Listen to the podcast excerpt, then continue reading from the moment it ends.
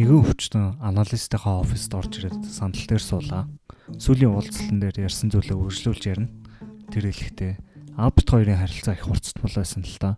Миний бодлоор энэ Шнобондо хэд олон цагаар ажилланаасаа болоод хамаг барагдсан төвчээр над дээр гаргадаг байсан л энэ бах гэж хэлжээ. Ажилдаа хэд их ажилласан гэж job гэдэг үг хэрэглэж жагаад шноб гэдэг үг хэлчихэл тээ. За шноб гэдэг нь шноз гэдэг одоо хамар гэсэн үгтэй төстэй юм уу? Эсвэл snob гэхэд бие тоосон гэдэг үгнүүтэй айгуу төстэй. Аа тэгээд түүний амьдралтай холбогдож байгаа байдал нь жишээ нь одоо тэрээр багада аавынхаа хамраас айдаг байсан. Аа эсвэл түүний одоо ах их чинь айгуу их бие тоосон. Тэгээд аав ээж нь одоо өөрөөс нь илүү ах ихчт нь илүү сайн ханддаг байсан ч гэж магадгүй. Ихэнх хүн одоо ингэж хэлснийг нь утгагүй юм шиг санаандгүйгээр хэлчлээ гэж тоож өнгөрч магадгүй. Харин Фройд бол үнтэй санал нийлэхгүй. Фройд бол энэ яг үннийг өчлөө гэж хэлнэ. Энэ ухамсаргүй хэсгээс дээшээ ингэж хөвж гарч ирж байгаа яриа гэж хэлдэг бөгөөд үүнийг одоо хил алтрах гэж хэлдэг. Харин Локоны хувьд бас нэг сонирхолтой ойлголт нь хүний ухамсаргүй хэсэг бол хил шиг бүтцтэй гэж үздэг.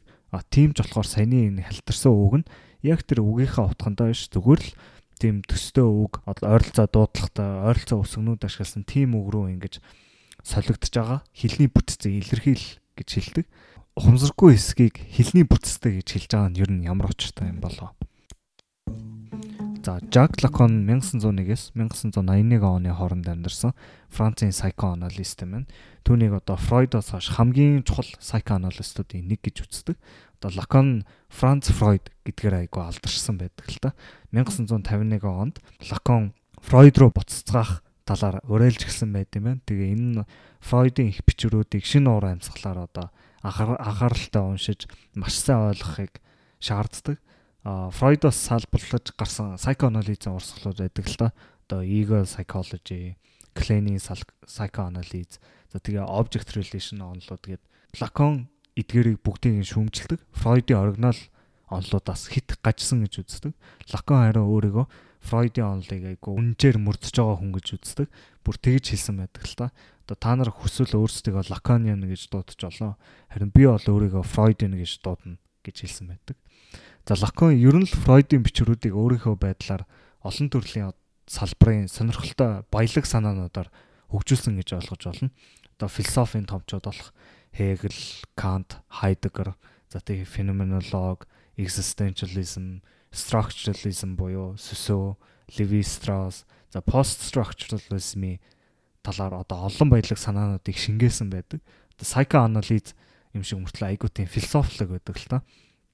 Лаконы үр нөлөө айгуу их том байсан. Ер нь Франц гэлтгүй Францаас гадагшаа Лаконы санаанууд одоо гоо зүү, уран зохиол, киноны салбаруудад том нөлөөтэй байсан гэж үздэг. Бас жижиг гэх одоо Словены алдартай философчийг мэдж байгаах орчин үед нэлээ шуугиалаад байгаа. Одоо жижигхэн онолд бол хамгийн том нөлөөтэй байсан хүмүүс ер нь Лакон, Хегел, Маркс гурав байдаг гэдэг гэдэг юм байлээ. За тэгээд Лакон тэр цаг үедээ супер од байсан гэж хэлж болно. 1952-оос 1980 оны хооронд одоо Парист жил болгон семинараа удирдах явуулдаг байсан юм лээ. Тэгээ түүний семинар одоо ч гэсэн англи хэл рүү орчуулагдчихл байгаа. Англи хэлээр ер нь орчуулгууд нь айгүй ховор байдаг. Тэгээд Лаконы семинарууд олон алдартай хүмүүс очсон байд юм байлээ. Ерөөсө Парис ер нь тэр цаг үед лаконоор амьсгалж исэн л гэж хэлж болно. Миний мэдгэн л Мишель Фуко, Жиль Дэлөцлөө очиж исэн байлээ. Хөшөө олон structuralist, post structuralist философчд очиж исэн баг. За тэгээ ер нь энэ 30 жилийн семинаруудынхаа туршид өөрийн онолыг жил ирэх тусам хөгжүүлж, баяжуулж засж ирсэн байт юм байлээ. Семинаруудаас нь гадна Икрит гэдэг ном байдаг л та. Икритт ер нь одоо түүний ажлуудыг бадсан хэлбэрээр ярьсан байдаг. Даанч одоо тэр нь одоо уншихад жоохон хэцүү ном гихтдэг. Тэгээд Лакон өөрөө ч гэсэн Икритийг уншихад зориулагдсан ном биш ээ. Бити уншаа гэж ер нь жилж болно. Тэгээд Лаконы бичсэн номнуудыг ер нь хүмүүс их ойлгомжгүй шүүмжлэлтэй. Лаконыг айгу муу бичээч гэж хэлдэг. Тэгээд одоо дээр нь Лаконы онлоод нэлээд төвхтэй болохоор улам л хэцүү болгож өгдөг гэж хэлж болно. Түүний хамгийн чухал ойлголтууд болох гурван регистр буюу одоо гурван ордерын талаар ярьцгаая. Эдгээр гурав нь хүний psyche, сэтгэл зүй, бодит байдалтай холбоотой хамгийн үндсэн ерөнхий бүтцүүд гэж ойлгож болно. За эдгээр нь imaginary буюу төсөөллийн, symbolic буюу одоо бэлэг тэмдгийн, тэгээд real буюу бодит гэж гурван хэсэг байдаг. За 1940-од оноос хойш эхэлж Lacan imaginary register буюу төсөөллийн бүтцийг илүү онцолдог байсан. Одоо төсөөллийн эдгээрээ эго бол айгүй чухал хамааралтай. Яа гэвэл ийг нь одоо энэ төсөөллийн ертөнцид сууртай гэж үздэг. За тэгээд 1950-аад оноос эхлээд символик бүтцийг нь илүү жоохон тодтогч ирсэн байдаг. Одоо энэ нь бидний ухамсаргүй хэсэг нь одоо нарийн тодорхой бүтцтэй болж ирж байгааг символик бүтцтэй гэдэг. Одоо энд бол хүний ухамсаргүй хэсэг хил шиг бүтцтэй гэж алтартаагаар хэлсэн байдаг нь символик бүтцтэй холбоотой. За тэгээд бас хууль дүрм нийгмээсээ цогц хамааралтай болж нийгэмшиж ирж байгааг бас символиктой холбодог. За тэгээд эцэст нь 1970 оноос хойш real буюу бодит бүтцийг илүү тодтогч ирсэн. За тэгээд real буюу энэ бодит ертөнц гэдэг нь одоо хамгийн төвөгтэй ойлголт нь л доо энэ яг юу яриад байгаагаас ярьж эхлэе. За Lacan ихэнх үедээ real гэдгээрээ одоо Kant-ийн nominal ертөнцийг зөвлөдөг. Nominal ертөнц гэдэг нь одоо яг бодиттой байгаа бүрэн гүйцэд хурч мэдэрч ойлгож чадахгүй тийм ертөнцийг хэлдэг. Одоо бидний эргэн тойрноо мэдэрч байгаа мэдрэхүүний мэдээллүүд нь яг үнэндээ туйлын үнэн байх албагүй. Одоо жишээ нь миний өмнө нэг аяга байлаа гэхэд би энэ аягийг харж сонсож одоо хурж байгаа нь яг ухта бодит ертөнцийн байгаа аяга гэдэг зүйлийг мэдэрч байгаа хэрэг биш. Харин өөрийн мэдрэхүйд тэр бодит аяга гэдэг зүйлийн нэг тийм хуул бор хувилбарыг одоо тархин дотроо бий болгож байгаа гэсэн үг. Тийм болохоор хүн болгон одоо өөр өөрөөр тэр аягыг хардаг. Аль ч хоёр хүн аягны талаар яг ижилхэн бодол санаа мэдрэмжтэй байдаггүй. Бүгд өөрийн гэсэн нэг холибрыг бий болгодог. Нэг хүн одоо улаан аяг гэж харж ахт нөгөөх нь ягаан аяг гэж хардаг ч юм уу. За яг аяг гэдэг зүйл оргороо угтаа оршин байгааг things in themselves гэж бас хэлдэг л дээ. А юмс нь яг өөрөө өөрөө байгааг хэлдэг. За энэ байгаа газрыг нь бодит ертөнц, объектив ертөнц, нуминал ертөнц гэж нэрлэдэг харин бид нар үүнийг нь хүртэж байгаа субъектууд гэсэн үг л дээ. За тэгэхээр Локоны хувьд энэ бодит гэдэг нь маш үндсэн хамгийн гүн хүрх боломжгүй зүйлийг хилдэг гэж хэлж болно. Одоо бидний мэдрэхүүгээс гадуур байдаг зүйл ялхуухт болж энэ хороо төр төрж байгаа талаараа бодож эхлэвэл арай бас Локоны бодит гэдэг зүйлийг тайлбарлахад арай төхөн болдог. Чамайг төрхөөс өмнө байгаа чиний энэ төрж байгаа бодит ертөнцийн бүхий л зүйл бүтэц агуулгыг нийтэд нь базаад локон бодит гэж нэрлэж байгаа. За төсөөлөд үзтээ. Энэ дэлхий дээр төрсэн анхны мөчүүд эргэн тойрноо бодоод үзье л та. Чи нүдэ нээлээ. Аав ээжигээ харлаа. Энэ нь аав, энэ нь ээж гэж хэлж ер нь олж чадахгүй шүү дээ жоох хөхт. Яагаад гэвэл чамд аав ээж гэдэг ойлголт ухагдсан байхгүй. Тэгж бодох тархины хэсэг чинь хөгжөөгүй байгаа. Бүр хамгийн наазах нь юмыг ялгаж салгах хийсвэр оюуны чадвартай байх хэрэгтэй. Одоо аав ээж гэдэг нь тусдаа зүйл юм байна. Энэ өөрийн харж байгаа зүйлийг одоо дээр нь өнгийн будгаар бодож байгаа гэж хэлж олно. Энэс нь ээж юм байна. Энэс нь аав юм байна гэд. Тэгээд тэдгээр зүйл нь одоо чамаас тустай гэдгийг бас төрүүлж мэдрэх хэрэгтэй. Яг үүндээ бол тэр үед одоо надаас тустай би гэдэг зүйлээс тустай гэдэг гээд гээд авах юм ч угаасаа байхгүй. Бүр би гэдэг ойлголт жоохгүй. Хоосон цав цагаан самбар шиг л гэсэн үг. Тэгээ нялхуухт бүх зүйлийг нэгтгэж нэг гэж харж байгаа. Нэг тийм бүрэн бүтэн ганц зүйл ямар ч зүйлийн талаарх ойлголтгүй байгааг санах хэрэгтэй. Яагаад гэвэл ямар ч тийм хэрэгцээ байхгүй. Experience гэдэг мэдрэгж байгаа хүлээж авч байгаа бүх зүйл нь бүхэл бүтэн битүү нэг тийм зүйл байгаа. Чи өөрөө тэр зүйл нь яагаад гэвэл чи өөрийгөө байгаа гэж бодохгүй байгаа. Иймэрдүү ертөнцийг л ерөнхийдөө лакон бодит гэж хэлж байгаа хэрэг. Яг ч хоосон самбар гэхэд бас хэцүү яагаад гэвэл одоо бид нарт наацх нь биологийн хувьд айлан заяадаг за зайлшгүй өвлөгдөж ирсэн үлдсэн зүйл бүтэц янз бүрийн гарцаагүй одоо цугтаад чадхааргүй тийм зүйлүүд бодит бүтцэнд бас ордог. Одоо real гэдэг нь ер нь нэлээд абстракт төсөөллийн ойлголт гэж хэлж болно. За одоо хараа хүн болж өсөхийн тулд бид нийгэмширч ирдэг. Төрөний дурдснаар юмыг ялгаж салгах абстракт чадвартай болж ирдэг. Би гэдэг ойлголтоо үүсгэж ирдэг гэсэн үг. Бүх зүйл нь нэг бүтэн зүйлээ хольж, хуваагдаж, янз бүрийн бүтэц structureтай болж ирдэг. Энэ бүхэнд одоо хүний хэл бол маш их хамаатай гэж үздэг юм байна Лакон. Хэлээр л бидэнд бүх зүйл ойлголтож утга учиртай болж эхэлдэг. Хэлгүүгээр ямар нэг зүйлийн талаар бүр бодохч боломжгүй гэж хэлдэг. А бас дээр нь бид нар дадалт зуршлаараа л дамжуулж янз бүрийн хууль, соёл, дүрм, уламжлалаас суралцаж нийгэмд байр суурьтай болох алхамдаа ордог. Энэ бүхнийг одоо символик регистртэй холбордог. За яагаад гэдгийг бодоод үзээ л та ахиад нэлхүүхтийн жишээ рүү орё.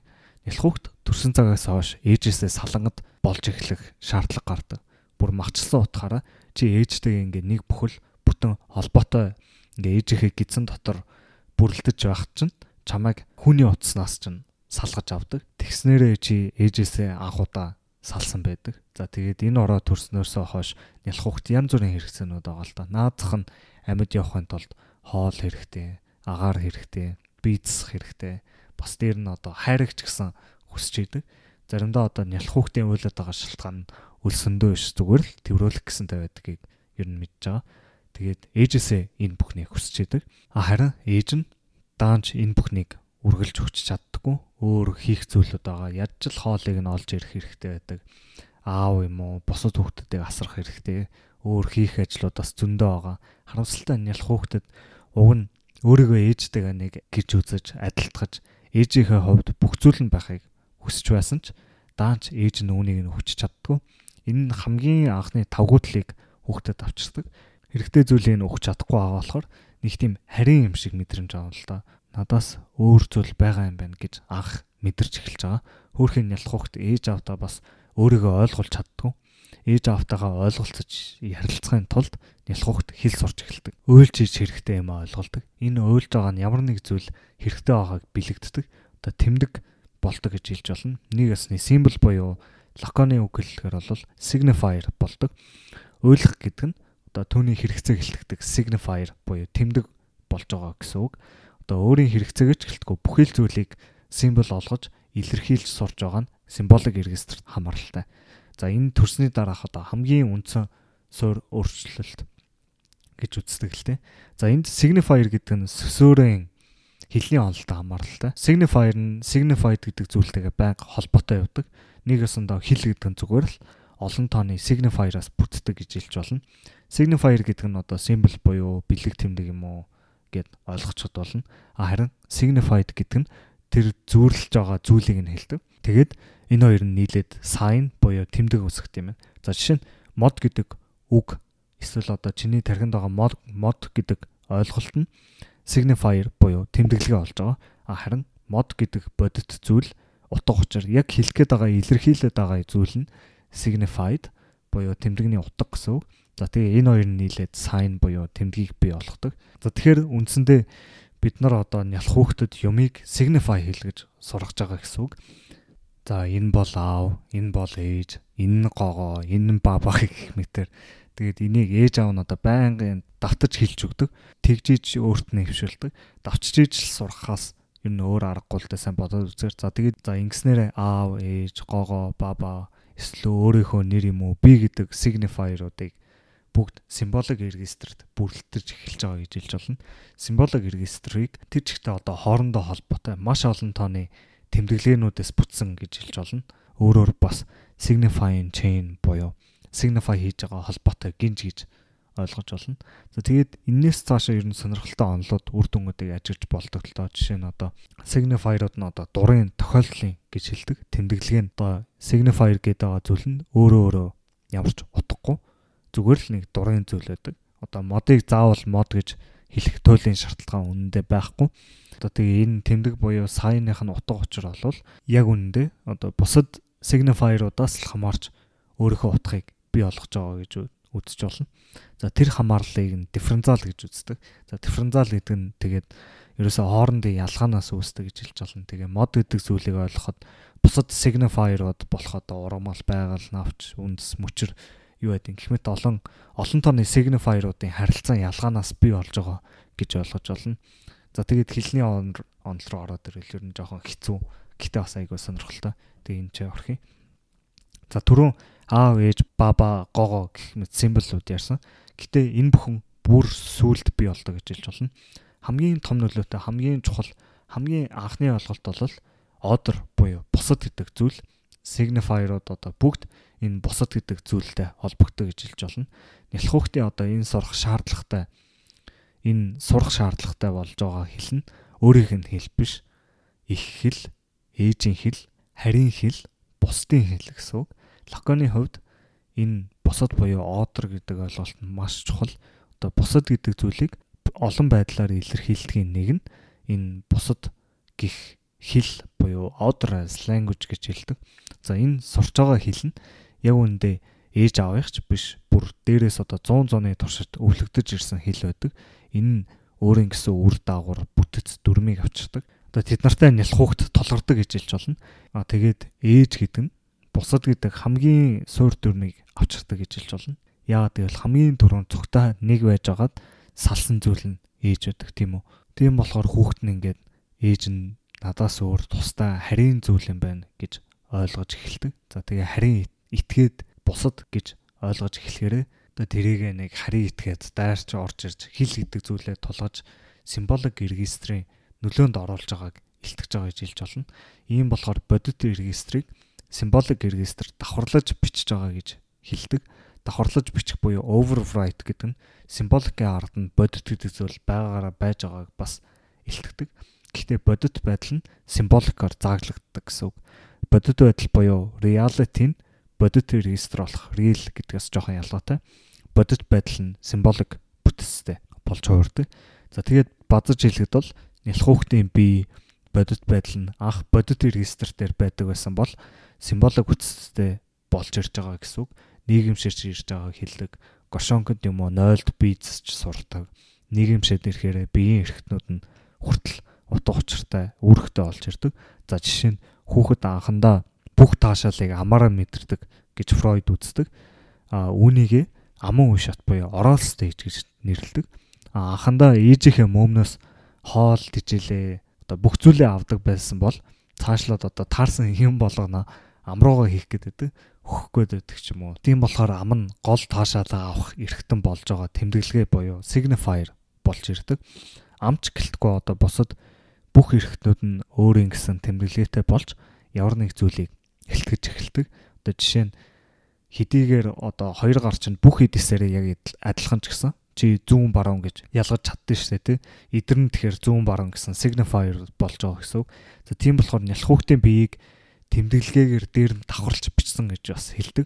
Зарим тийм одоо өвчтөн хүн байдаг байдаг л да. Одоо баруун зүүн хоёрын солигчсон ч юм уу. Одоо тэгэхээр эм чин одоо зүүн гарыг чинь чимхэхэд чи баруун гар чинь өвдөж ийн гэж мэдэрдэг тий. Тэгэхэд тийм болохоор одоо чиний бодит байдалд хаана өвдөж байгаа гэж бодож байна. Тэр газар чинь л өвдөнө гэсэн үг. Хичнээн зүүн гараг чинь чимгсэн байсан ч гэсэн чиний бодит байдалд баруун гар чинь өвдөнө. За тэгээд биеийн хэсэгч гэлтгөө одоо бидний бодит байдал нь тэр чигтээ символик хэлбэр төрстэй болдог. А гэхдээ символик регистр нь бодит байдлыг шавхаж дуустдаггүй гэж үздэг. За үүнийг Gödeлийн теоремтой төстөгөөр харуулдаг л та. Gödeлийн теоремд нуурч үндсэн аксиомууд дээр суурилсан систем бүрэнгүүц шавхагддаггүй гэж үздэг. Одоо хичнээн бүх зүйлийг символик ордорт оруулж signify хийгээл байсан ч гэсэн үлдэгдэл гарч ирдэг. Тэр үлдэгдлийг нь одоо символик руу оруулсан ч гэсэн ахаал үлдэгдэл гарч ирдэг. За энэ мэтэр одоо лаконы нэр томьёонд шавхагдаж барагдаагүй үлдэгдлийг нь R2-оор тэмдэглэдэг. Одоо өөрөөр хэлбэл анх байсан R1 гэдэг бодит зүйл нь символик ордорт ороод тэгээ R2 үлдчихэж байгаа гэсэн. За ийм болохоор одоо бодит гэдгээрээ одоо бэлэг тэмдэг болгож болохооргүй тэмдэглэгийг эсэргүүцдэг тийм нэг газар нутаггүй хуваагдaltaгүй дээр дооргүй зүйлийг хэлдэг. Одоо харин символик гэдэг нь энэхүү гүлгэр гадаргууг одоо тасдаж эхэлдэг, хуваалт гаргаж байгаа. Хуваалтад гаргахтаа signifier ашиглаж байгааг хэлдэг. Символикоос бүрдэж байгаа энэ ертөнцийг одоо бид нар хэл гэж нэрлэдэг. Бидний оюун санаа символик бүтцээс эхэлдэг. Тийм болохоор бас одоо бодит гэдгээр боломжгүй зүйлүүдийг ч бас илэрхийлдэг л тийм. Ямар нэг зүйлийг оюун санаанаас ярьж эхлэхийн тулд хамгийн түрүүнд тодорхойлох хэрэгтэй. Тодорхойлолтууд signifier-ууд ашиглах хэрэгтэй. Ингэснээр символик бүтцэд оруулах шаардлагатай болдог болохоор ярих, бодох боломжгүй зүйлүүд байдаг. Хамгийн сайн хийж чадах зүйл бол зүгээр л эргэн тойроор нь эргэлдэх зүйл байдаг. Одоо бодит регистр дээр орших хүртэл яригддаггүй. Яа гэвэл орших гэдэг нь бас одоо 9 оршихтойгоо цуг явдаг дугаал зарчмыг агуулдаг. Тэгээд энэхүү дугаал буюу эсрэг хоёрдугаар зарчим нь бас л символик ордортой орж орчдөг зүйл байдаг. Яа гэвэл одоо бодит гэдэг нэг л бүтэн зүйл хоёр хуваагдаагүй зүйл байдаг. А ийм болохоор лаканы бодит гэдэг ойлголт одоо айгүй их сонирхолтой. Лакон бидний одоо хамгийн үндсэн суурь бүтцүүд ямар нь хөөгдөд бий болж ирж байгаа, давтаж хэлсээр байгаа сургаж байгаа. Харин ямар нь яг цаанаасаа байсан бодит ертөнц гэж ялгаж байгаа нь айгүй сонирхолтой. Ийм болохоор одоо Лаконы бодит гэдэг нь эсрэг цэсрэг санаануудыг нэгэн зэрэг агуулж болдог. Одоо post structuralist маягийн мөртлөө symbolic order нь илүү structuralist талтай гэсэн үг. Тийм болохоор Лаконыг энэ хоёрын аль нэг ангилалд оруулах жоохон хэцүү. За тэгээд энэ хоёрын хажууд 3 дахь регистр болох imaginary буюу төсөөлийн регистр нь айгу амархан. За төсөөлийн ертөнц гэж хэлж болно. Image гэдэг нь угаасаа зураг төсөөлөл гэсэн үг. За symbolic order-д одоо signifier чухал өрхтэй байсан бол imaginary order-т нь одоо тэр жигтэй signified буюу тэр утга учир холбот болгож холбож байгаа хэлбэр төрлийн ертөнцийг бүрдүүлнэ гэсэн үг. За жишээ нь одоо мод гэдэг сайн-ыг авч үзвэл тэр үг мод гэдэг үг ойлголт нь одоо signifier байхад яг тэр мод гэдэг зураглалыг илтгэж байгаа нь signified буюу imaginary order-т ордог. За тийм зураглалуудаар тусгалуудаар дүүрэн газрыг энэ регистр нь нэлтгэж байгаа гэж хэлж болно. Одоо тийм болохоор эго болон фантазинууд нь imaginary order-тай чухал хамааралтай байдаг. Энэхүү регистр нь одоо бас нөгөө хоёрынхоо гүн нөлөөнд байдаг гэж хэлж болно. Жохон феноменологийн туршилт хийл та. Одоо феноменологийн ертөнцид мэдрэгж байгаа мэдрэмжүүд за жишээ нь өөрийн биеийг заа нэг юм юм байна да гэж мэдэрч дүрслэх. За дээр нь сэтгэл хөдлөлүүд, бодол санаа, бусдын талаарх бодлууд нь нийгмээс өгсөн тэр хил бүтэц динамикаас гүн хамаарал нөлөөлөлт шалтгаалтайгаар бидэнд үзэгдэг. Мэдрэгүүд чинь орж ирж байгаа зүйлүүдийг бүгдийг нь боддоор нь мэдрэх ер нь боломжгүй. Яагаад гэвэл дадал зурслаас ч юм болоод символик ордер бий болсон байгаа.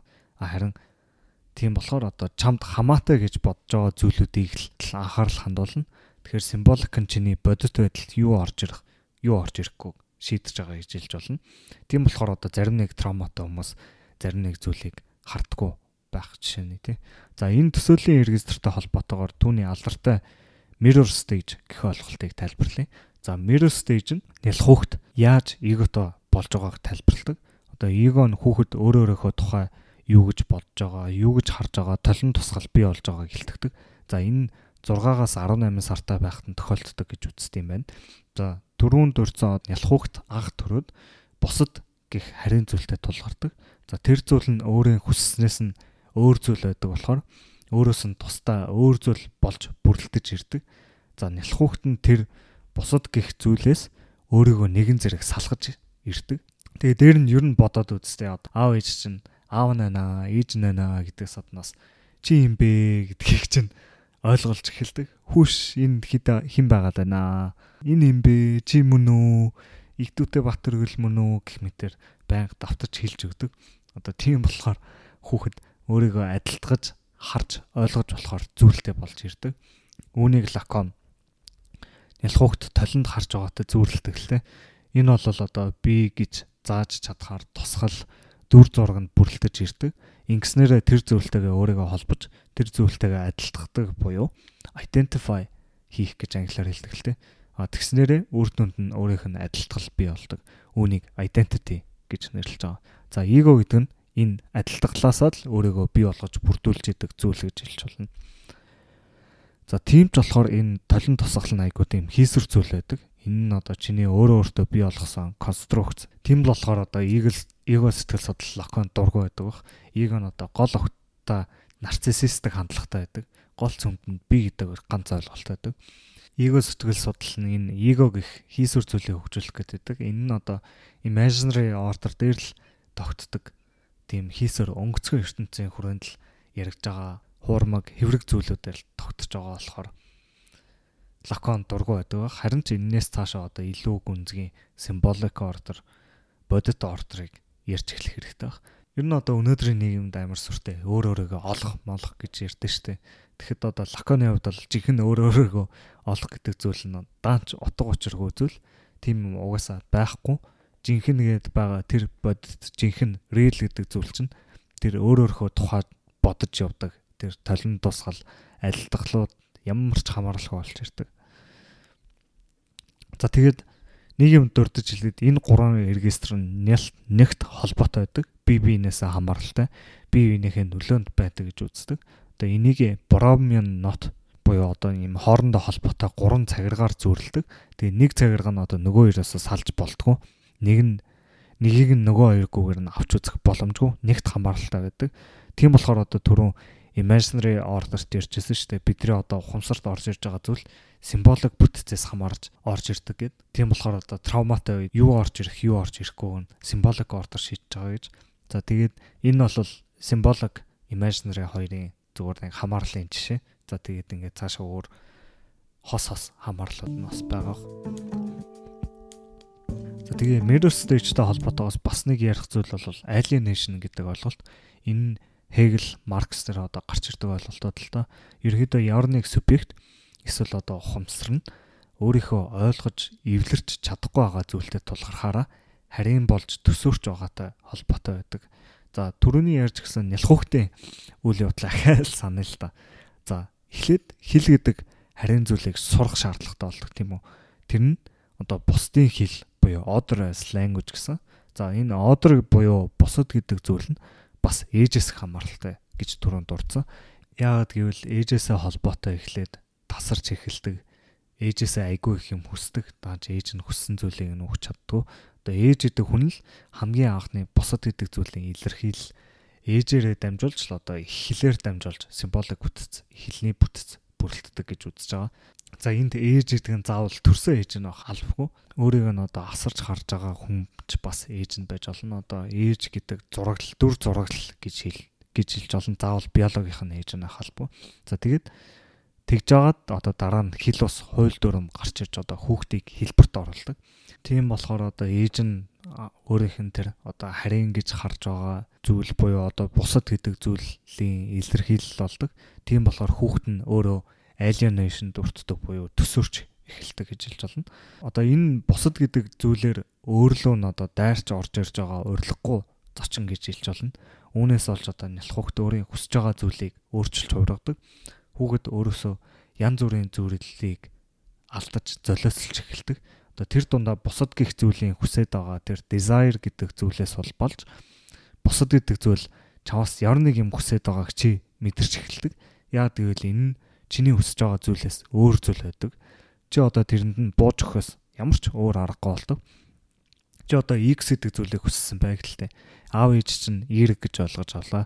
Тэрийг ингээ олон дахин давтаад ахаар ямар ч хүч чадалгүй жоох хүүхэд бууж өгөхөөс ямар ч аргагүй байдаг. Одоо энэ тулаанд бол хүүхэд угаасаа ялагдал ялагдж байгаа талыг авч байгаа гэж хэлж болно. Тийм болохоор аяанда X биш Y-ийг хүсдэг болдог гэсэн үг. Ээж аав ч нь одоо хизээч X-ийг хүсэж байгаа гэдэг тэр өнөө утга учирыг нугасаа мэдэх боломжгүй.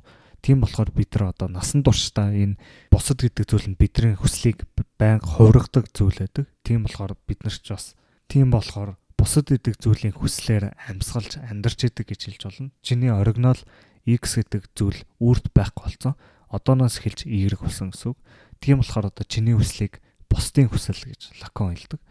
Чиний ухамсаргүй хэсэг бусдын хүслээр дүүрэн байдаг гэсэн үг. За Хайдегерийн Дасман гэдэг ойлголттой төсөл доо ер нь бид нар яг үндэ өөрийн сонголт хийдгүү харин сонголтууд биднэрт хийсэн байд хийгдсэн байдаг гэсэн үг. Одоо төрсэн газар орчин, цаг үе, түүх, биологийн фактнууд одоо шидэгдэж ирдэг. Хүн өөрийгөө өөрийн фактнуудаасаа өгдлүүдээсээ зугтсан ч гэсэн адилхан тэр өгдлөөр л зугтдаг. Хүн яаж зугтдаг вэ? Бусад хүмүүс яаж зугтдаг вэ? Тэгж л зугтна гэсэн.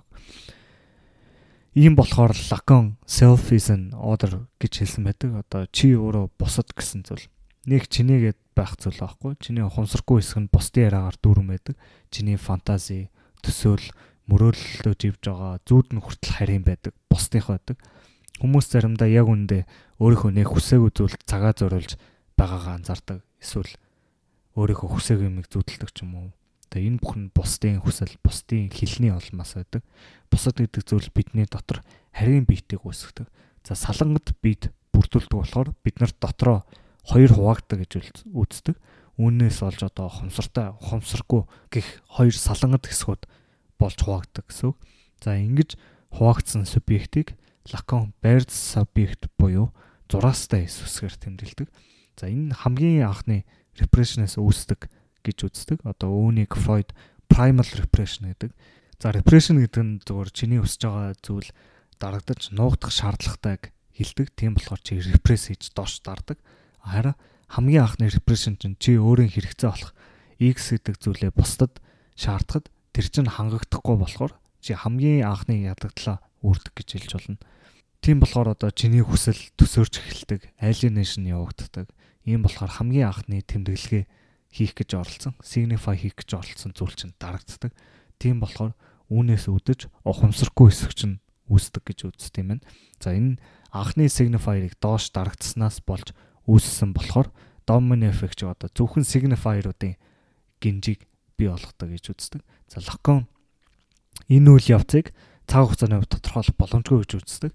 Тийм болохоор одоо энэ хил гэдэг зүйлийн нэг хаягдл гэсэн үг. Тийм ч болохоор бас хил гэдэг хизээч төлөлийн үннийг өчөж чаддгүй, бүрэн бүтэн байж чаддгүй бас нэг шалтгааных нь нэг баг. Энэ нь одоо гарцаагүй, зайшгүй зүйл. Тийм болохоор хүүхд нялх хүүхд насан туршдаа тийм дутагдaltaй явдаг гэсэн үг. Одоо лайк буюу дутагдал нь ямар ч сонголтгүйгээр ирдэг. Дутагдсан зүйлийг одоо тэр дутагдсан зүйлийг алдагдсан объект гэдэг lost object гэдэг. Тийм болохоор энэ зүйлийг хизээч олдохгүйгээр алдагдсан зүйл гэж үздэг. За тэгэхээр нялхуухт өөрийгөө тэгж золиослолны нөлөөнд тэмдэглэгээ их чадвартай олж одоо энэ хэл сургаж бусдад ойлголцож ярилцах чадвартай болгодог. За энэ мэдээж дэлхий дээр амьдрахад маш чухал чадвар байдаг. Энэ нэгтээ alienation буюу харийн болох гэдэг золиосоор ирдэг.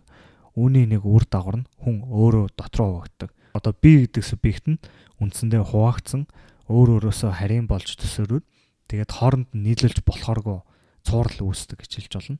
Ийм болохоор одоо чи зарим зүйлийг хэлэхэд тэр чин заавал яг нэг байдлаар хэлэгдэх гээд байдгийг тайлбарлаж болно. Энэ дугаарыг ихэнд ярьсан жишээг авъя л да. Одоо нэг өвчтөе орж ирээд хэлэн алтарсан тий. Job гэхийн оронд snob гэж хэлдэг. Ухамсараар job гэд хэлгээд байдаг тий. А тэгсэн чин дээр ухамсаргүй бусад гих зүйл нь хажуунаас нь орж ирж ярианд нь нөлөөлдөг. Ийм болохоор бидний өдөр тутмын ярианд одоо хоёр урсгал яриа зэрэг явж идэг гэж үздэг. Эгогийн яриа болоод өөр ямар нэг бусдын яриа гэж үздэг. Энэ хоёр параллел ярианы урсгалууд гэж болно. Тэгээд дээр нь хүний ухамсаргүй хэсэг хэлний бүтцтэй болохоор одоо job, schlob хоёр харилцан нөлөөлцдөг гэсэн үг. Яг үүндээ утга санаанаас биш харин ойролцоо сонсогдож байгаа болохоор л ийм төстэй өгнөд гарч ирж байгаа нь айгуу сонирхолтой л доо. Одоо ухамсаргүй хэсгээс schlob гэдэг signifier нь өөрийн эрхгүйгээр job гэдэг signifier-ийн оронд ундарч гарч ирэхээс өөр аргагүй байсан. Job гэдэг signifier нь schlob гэдэг signifier-ийн одоо эргэн тойрноор тийм нэг бодит регистрийн зүйл дээр гацсан гэж хэлж болно. Schnob, snob зэрэг үгнүүдтэй холбоотой бага насныхын травманууд үнд хамаатай ах л та. За энэ дугаараа ингээд дуусгая. Нилийн абстракт хийсвэр дугаар байсан баг. Ойлгоход нилийн хэцүү байсан гэхэд бол гайхгүй. За ихтэй сонирхолтой сонирхолтой санаанууд асуултад төрсэн байх гэж найдаж байна. Өшөө цааш одоо зөндөө ярих юмнууд сонирхолтой юмнууд байгаа. Wisans гэдэг таашаал гэдэг ойлголт бол лаконы хувьд маш чухал. Таашаал мөртлөө зовлон зэрэг илтгэдэг.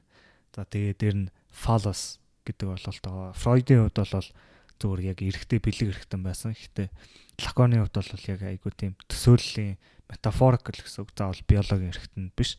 Гэхдээ энэ бас хилний бүтцээр гарч ирдэг нь айгуур сонирхолтой. За тэгээд object A, castration, Oedipus complex, desire гэд ер нь ойлгон олон сонирхолтой сэдвүүд байгаа. За тэгээ хилний онол руу орвол бас Фройдын зүрхний тайл гэдэг ном дээр гардаг хаа displacement, condensation гэдэг ойлголтод бас лингвистикт одоо метафор, метonymy гэж гарч ирж байгаа нэг айгүй сонирхолтой. За тэгэл цаашаа бас ер нь psychoanalyst яг ямар холбоотой, ямар харилцаатай байх хэрэгтэй вэ? Тэгээ шинжлэх ухаан онол талаасаа айгу бас олон юмнууд үүд юм билээ. За тэгээд бас бас сонирхолтой бодит кейснүүд бас байгаа. Ratman буюу одоо харахтай хараханд донцсон хүн гэж хүний талаар бас айгу алдартай кейс байдаг л та Фройдын. Тэгээд тэрийг Лаконоос айгу гоё тайлбарладаг. За тэгээд дараа зах цухаас нь ярина. За тэгээ энэ дугаар сонирхолтой санагдсан бол сэтгэлдээ хуваалцаарай. Одоо хоорондоо гоё сонирхолтой яриа өрнүүлцгээгээрэй. Лайк дараарай, subscribe хийгээрэй. За бай.